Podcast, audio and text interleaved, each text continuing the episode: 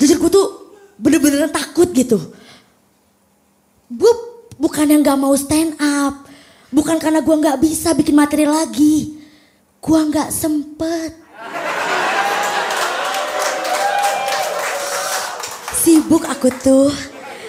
Nih ya, untuk stand up hari ini, gue harus nge-cancel tiga callingan. Tapi nggak apa-apa, itu semua kan demi... Bentar, halo?